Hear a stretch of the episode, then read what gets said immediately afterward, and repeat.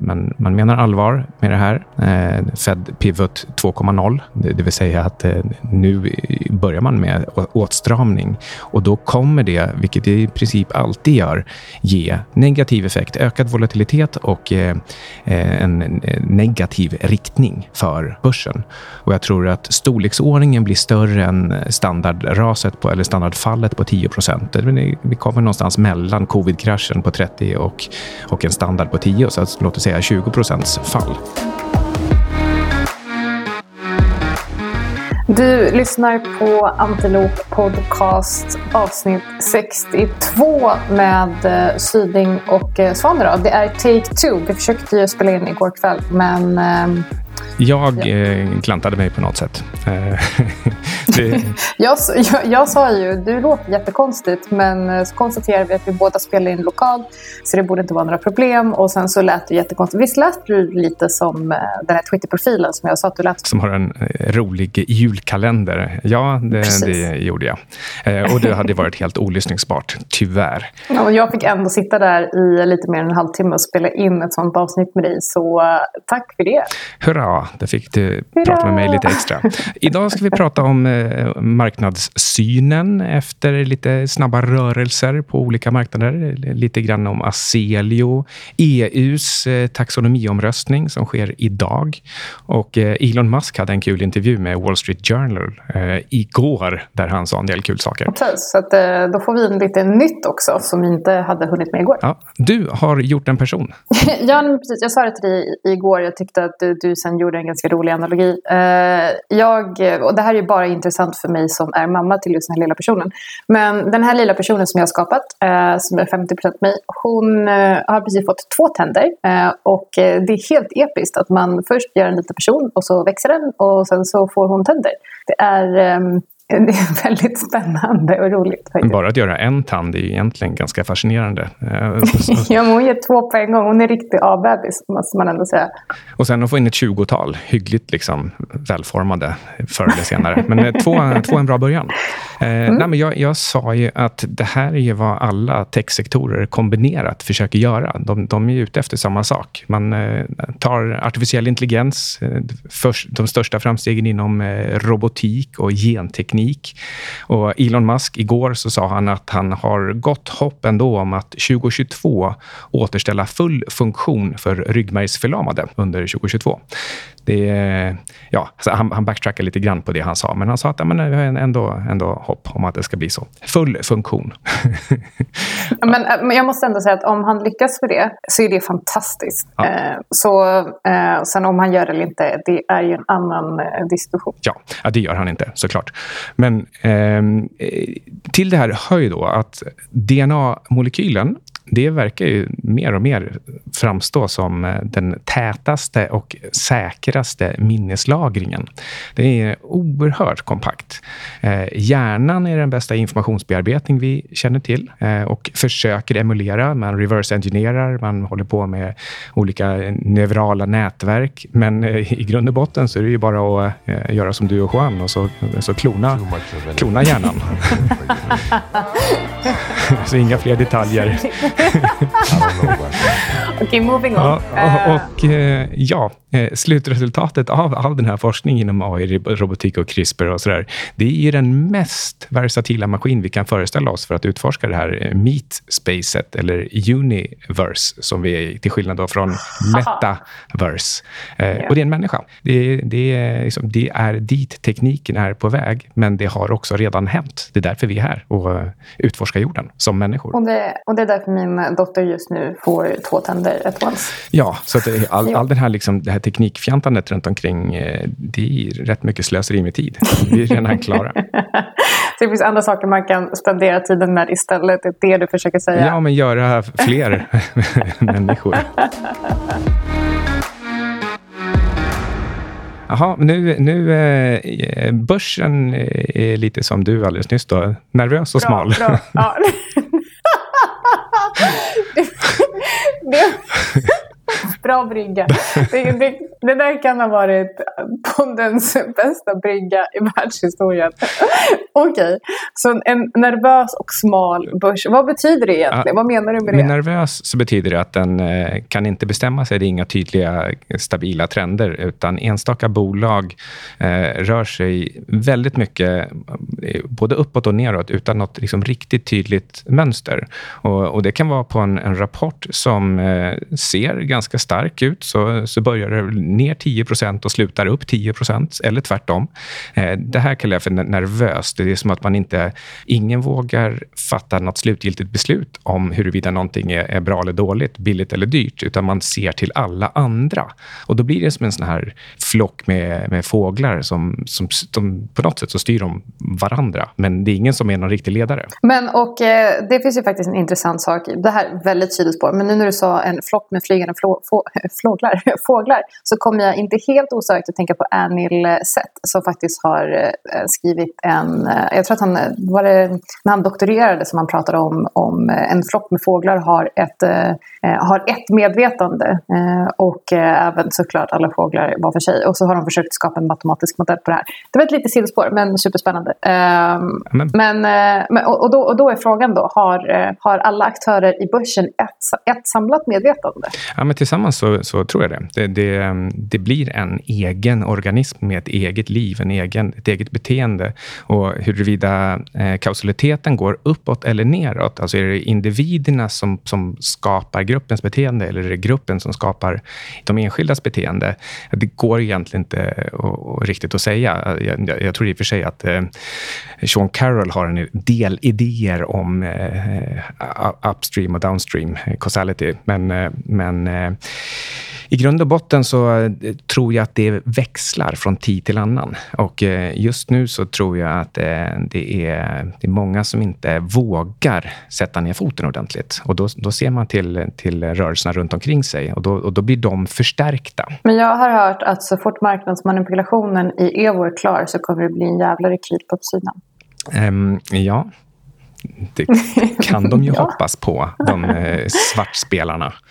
Ja, vi får se. Men, men okej, okay. okay. jag, jag ser också att smal är den också. Eh, yeah. Det är, eh, har ju varit ganska tydligt länge att det är Fangsen som, som driver upp eh, börsen och Nasdaq medan eh, det är svårt för andra bolag att göra några nya highs.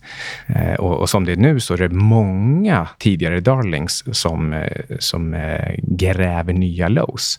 till yeah. exempel Robinhood är under sitt IPO-pris och det tror jag kan Eh, Eh, skaka ut en del svaga händer. Absolut. Och, eh, och eftersom du nämner Robin Hood så måste vi prata lite om Cathy Woods och eh, ARK. För Cathy Woods blev ju poster girl av postpandemic investing i innovationsbolag. Och hennes ETFer var ju jättehyllade och hon gick ut med diverse analyser där, där analyserna i sig sen har visat sig vara fel men aktiepriserna drog upp och då blev hon ändå hyllad som ett geni.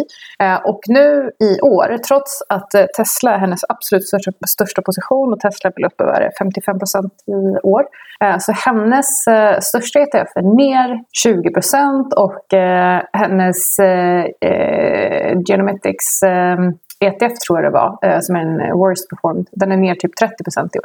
Och eh, det här tycker jag visar ganska tydligt på att, precis som du sa, det är Fangsen som driver uppgången. För det är väldigt, väldigt svårt att hitta eh, bra performance eh, utöver dem. Eh, så att, eh, nej men Cathy Woods är verkligen, hon har blivit både poster girl för postpandemic investing i innovationsbolag. men också poster girl för risken kommer alltid ikapp dig till slut.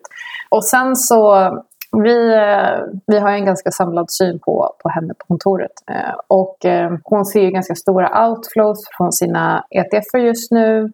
Men hon, hon köper ju också sina egna ETFer med sina ETFer. Så hon köper de andra som hon, är, som hon har. Och det är ju rätt osnyggt kan man ju tycka. Precis som Elon Musk så är hon ett finansgeni. Hon vet hur man får upp kurser.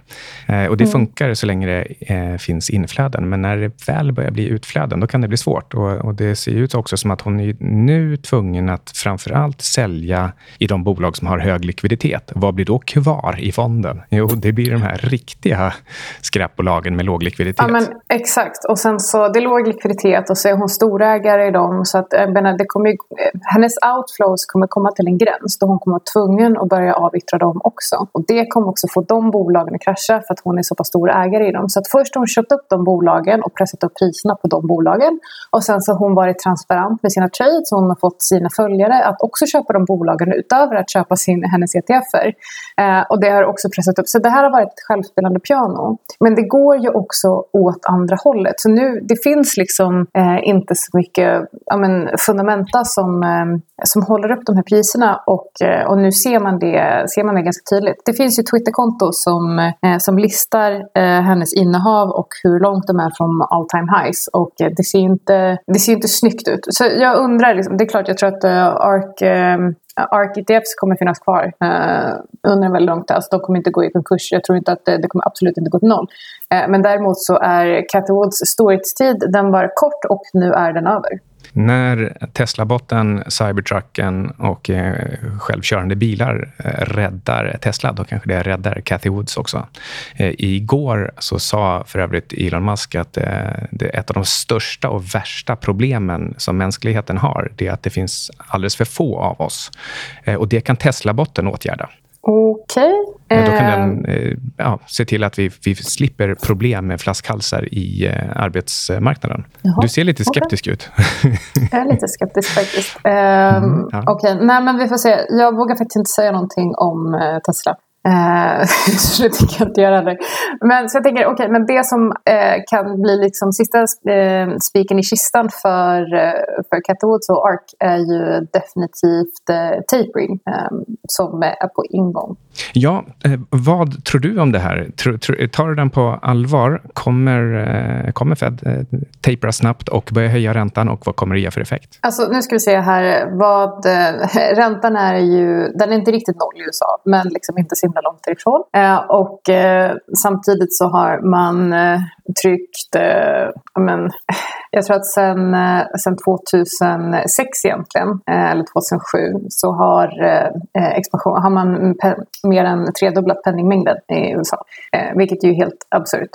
Så att, att det här då skulle synas inflation var ju bara en fråga om tid. Och först så såg det ut som att inflationen var väldigt, väldigt låg och då tyckte Fed att ja men såklart, för vi har ju bara tryckt, upp, tryckt ut pengar för att vi ska rädda ekonomin från den här pandemin. Och sen så dog den upp rejält och då var det transitory och sen så var det transitory fast kanske under lite längre tid och nu helt plötsligt har man då insett att nej, shit, inflationen är här för att stanna. Eh, och sist det hände eh, så var det då på 70-talet. Vi har pratat om det lite innan. Eh, och det som fick eh, inflationen att till slut faktiskt eh, falla från eh, ja, men typ 15 procent eh, ner till eh, ja, men, eh, typ 2,5 procent. Eh, det var att Paul Volcker 1980 höjde räntan till 20 procent. Eh, och det, det, kan vi ju faktiskt inte göra idag. Men då ska man också säga att man började ändå höja räntan 1976 och då höjde, han man höja räntan till eh, typ 15 procent och inflationen fortsätter att stiga. Och jag menar, den typen av räntehöjningar, det är, det är liksom ingenting som vi, som vi har möjlighet till att göra idag. Eh, utan eh, inflationen kommer att fortsätta stiga ett tag. Eh, och, de, och jag menar, vi kommer inte ens se en normalisering av räntan för att vi har så oerhört höga skuldberg idag. Men här kommer då liksom, eh, det som är lite speciellt med att ha så höga skuldberg. För det är enkelt att säga, att, att säga och vara lite first level.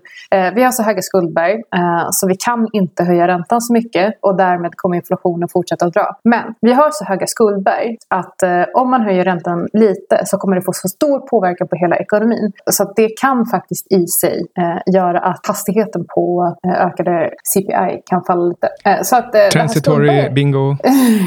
Nej, inte transitory för att det är inte som så att priserna kommer falla tillbaka till tidigare nivåer. Och det ser vi ju genom att liksom, större aktörer har faktiskt valt att höja sina priser. Och jag, och jag menar, jag tror att Coca-Cola till exempel, de, om det nu är så att eh, deras råvarukostnader skulle falla tillbaka så tror jag att jag tror inte att Coca-Cola skulle välja att sänka priserna då. Utan att då behåller man hellre vinsten för att hedga sig mot framtida liknande scenarier igen. Men ehm, då är frågan då att eh, även om vi har väldigt höga skuldberg så man kan bara höja räntan lite grann eh, och det kan ändå få liksom, det kan ändå så här, pausa eh, hela, hela situationen lite grann. Men då är frågan under hur lång tid eh, innan man eh, liksom har vant sig vid det ränteläget och eh, kanske, lö kanske lönerna eh, ökar på. För det är där vi måste hamna också, att lönerna måste stiga. Och då helt plötsligt finns det mer utrymme för att betala av de här skulderna eh, med något högre ränta. Och då kanske räntan är 1 istället för, vad är det nu, typ 0,25 eller 0,10 eller någonting. Eh, så att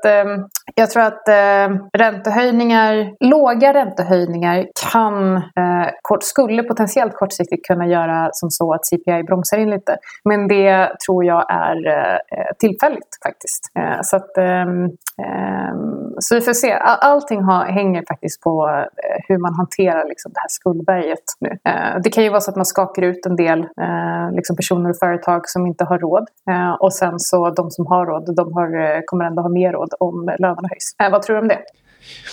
Ja, alltså vi är ju rätt överens om ganska stora delar i det här. Sen är det lite terminologi kanske. Eh, jag, eh, jag tror att eh, de menar allvar med eh, snabbare tapering och kommer, kommer bli klara fort. Eh, så fort att de, eh, det kanske faktiskt blir en räntehöjning redan i mars.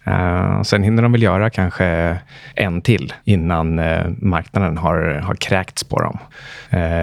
Och, Men tror du verkligen att de kommer sänka räntan då eller tror tror du att eh, de helt enkelt kommer pausa räntehöjningarna? För det är också intressant. För det måste ju inte vara eh, antingen fortsätter de höja eller så sänker de. Det kan ju också vara så att man lämnar räntan oförändrad för att man så desperat behöver komma tillbaka till ett normaliserat läge. Mm, ja, alltså, all, allt hänger väl egentligen på vad börsen gör.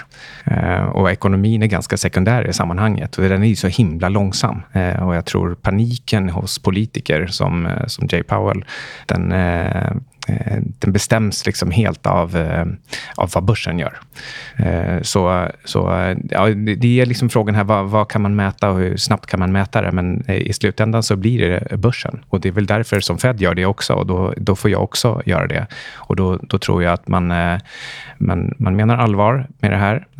Fed Pivot 2.0, det vill säga att nu börjar man med åtstramning. Och då kommer det, vilket det i princip alltid gör, ge negativ effekt, ökad volatilitet och eh, eh en negativ riktning för börsen. Och jag tror att storleksordningen blir större än standardraset på, eller standardfallet på 10% Vi kommer någonstans mellan covid-kraschen på 30 och, och en standard på 10, så att, låt oss säga 20% fall. Okej, okay. men hur snabbt tror du att det kommer ske? För covid det var ju, 30, var ju över 30 på en månad. Liksom. Mm. Tror du att det kommer gå lika snabbt den här gången? Um, nej, för nu har man redan uh, repeterat det där. Uh, och, och, och då, då, tror jag inte att det sker på samma sätt igen. Utan uh, lite som, som man har sett i de här an, skräpbolagen som Robinhood, och Zoom och Peloton. Att, att man får se hur de, de, de, de faller och sen kommer en intensiv död kattstuds och sen fortsätter de falla, så kommer intensiv död kattstuds och den här processen tar flera månader innan man hittar en, en eh, naturlig botten. Så jag tror, inte, jag tror inte paniken riktigt hittar in i marknaden. Eh, men däremot när börsen har fallit så pass mycket som, eh, som 20 procent och, och, man börjar skriva att nu är det en bear market eftersom folk gärna vill definiera det på, på minus 20 procent från toppen. Fast, fast, fast, när man säger det så, ja men precis, då brukar ju marknaden faktiskt studsa upp igen. Mm, precis, och, det, och, då tror jag också att den, den, den studsar upp för att Fed då börjar signalera att eh, ja, men så här, så här vi, kan vi inte ha det. Vi har nog stramat åt eh, lite för mycket eller för snabbt.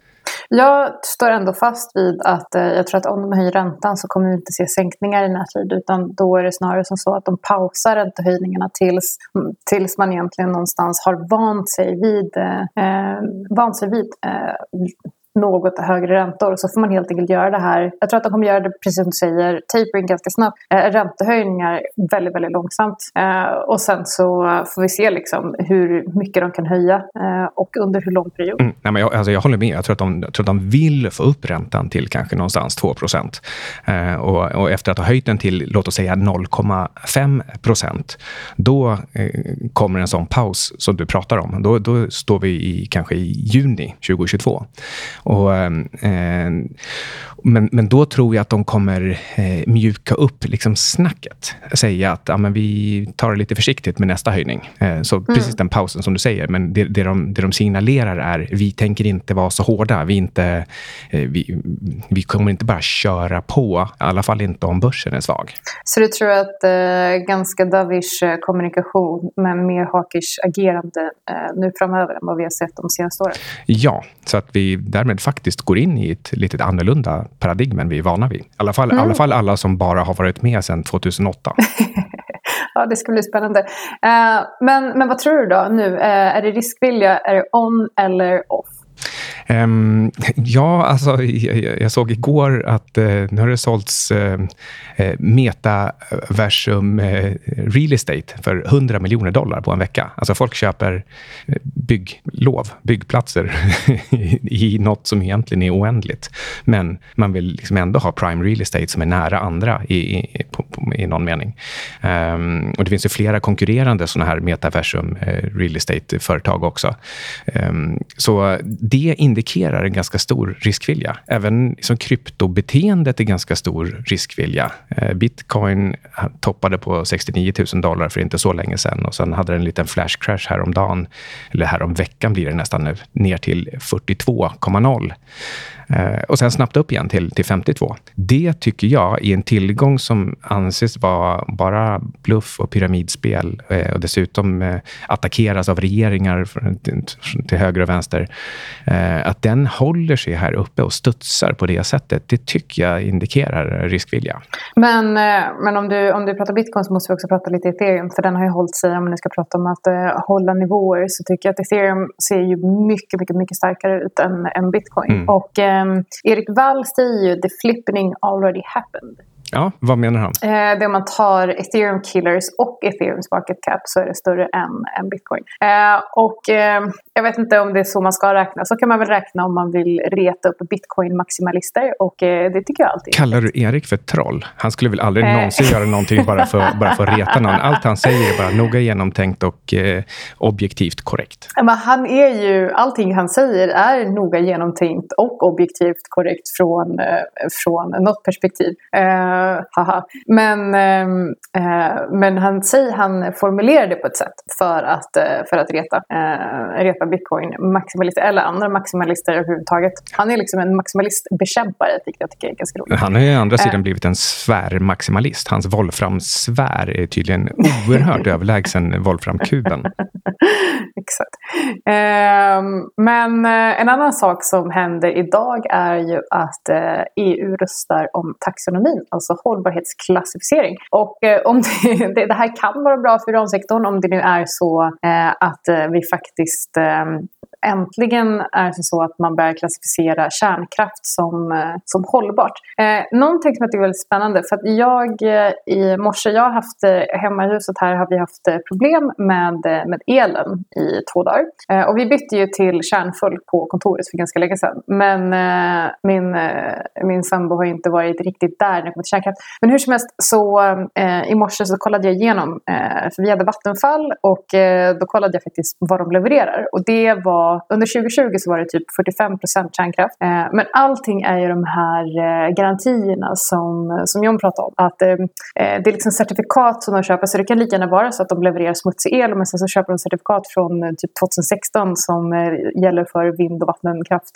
Men hur som helst, skitdyra och de levererade ändå 5 kärnkraft så att nu byter jag över hemma elen till kärnfull också. Så att, och Juan tyckte faktiskt att, att det var bra i och med att han jobbar med taxonomisystem eh, så eh, jag tror att eh, nu när kärnkraft börjar klassas som hållbart så tycker han bara okej, okay, då är det väl det då. Mm. Ingen egen åsikt. jag, jag fick mejlet idag från Kärnfull om att mitt byte har gått igenom.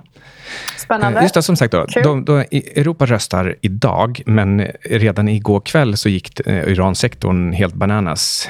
Uranium Royalty Corporation och GoviEx upp 15 procent vardera till exempel. Men hade det att göra med den här EU-omröstningen idag och att man tog ut segern i förskott eller var det för att hela marknaden bara drog fullständigt på uppsidan? Ja, alltså uransektorn var ju extremt nedpressad och blir det lite risk-on så var det väl den som, som ska få, få med sig också. Men det var faktiskt en italiensk tidning som igår skrev det är klart. Alltså de rapporterade mm. som att, och det kanske är så att det sker någon, någon typ av poll eller någon, någon föromröstning, för att annars så mm. går man inte till omröstning dagen efter. För det kom informationen Nej. om att de skulle rösta slutgiltigt kom ju väldigt, väldigt sent. Nästan som att de väntar till de redan har gjort en, röst, en informell omröstning. Mm.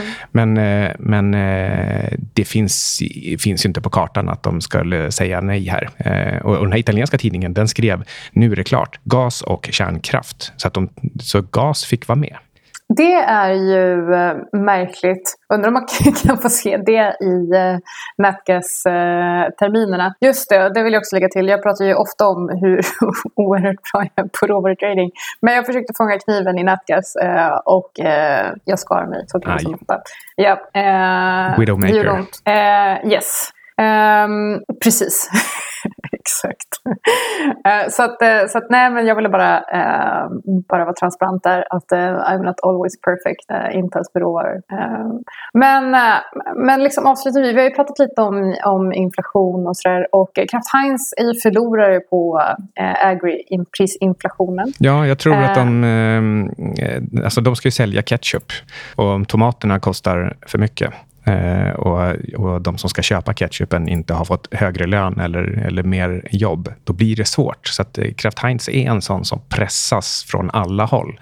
Eh, det finns ju vissa eh, sektorer inom detaljhandeln som istället tjänar på både agripriser och inflation i stort. Alltså som till exempel Swedish Match, bolag som har enorm prismakt helt enkelt för att det, det är ju ja, men det är, det är en, det är en drog och folk kan inte inte sluta. Eh, så då kan man alltid gömma höj, högre prishöjningar än vad man får för, för inputkostnadshöjningar. Men, men Heinz är lite svårare. Även om man kan anse sig vara lite beroende av ketchup så, så är det inte riktigt samma sak. Jag. Nej, inte. inte jag heller faktiskt längre. Men, jag har parmesan en... istället. Det är i och för sig eh, lite kul. Juan är ju delvis italiensk också och någon gång när jag gjorde bolognese så hade jag catch på. och han bara skrek nej, nej, nej.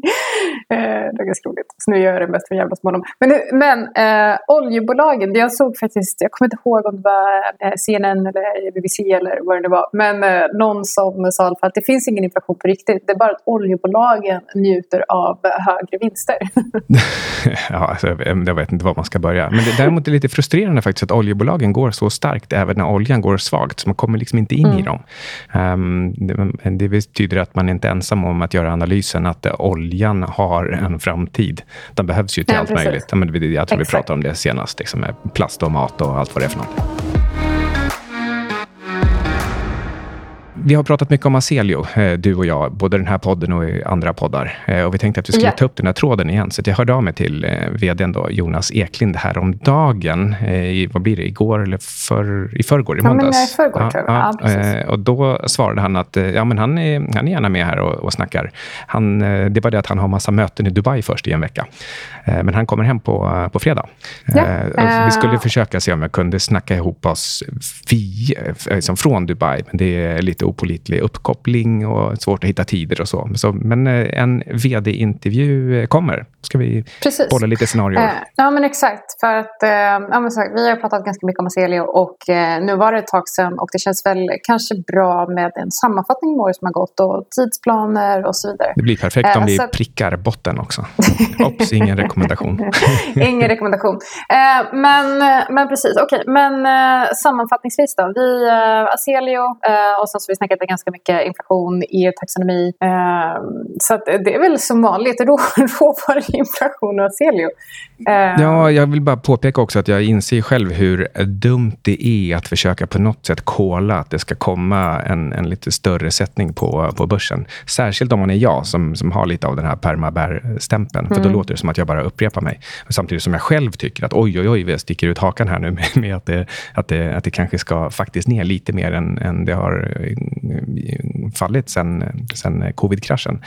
Mm. Så, så jag förstår precis hur, hur dumt det låter. Eh, och, och, min, min tanke här är heller inte att man bara ska gå outright short eller någonting, utan eh, sälja, sälja rallyn och, och köpa dippar faktiskt. För jag tror att det fortsätter att vara en smal marknad, en nervös marknad med stora kast och även om jag tror att det blir med en negativ tilt under eh, några månader och ganska stor total nedgång, så kan man fortfarande verkligen tjäna pengar på, på långhandel. Så köp på botten och sälj på toppen? Mm, nej, nu tyckte jag var elakt. Sell the rips, buy the dips. Okej. Okay. Uh, men, uh, jag tycker ändå att vi kan avsluta där. Ja. Det känns som ett bra, en bra sista rekommendation. Bra, då har du lyssnat på Anti... Anti... Du har lyssnat på Antiloop Podcast som produceras i samarbete med Vexaton Media. Ingenting som du har hört i det här avsnittet har varit någon form av rekommendation och alla placeringar är förknippade med risken att förlora hela eller delar av ditt kapital. Glöm inte att prenumerera i din podcastapp och lämna gärna en recension så hjälper du oss nå ut till fler lyssnare. Mer information om Antiloop hittar du på antilophedge.com. Där får du även tillgång till Antiloops senaste memos.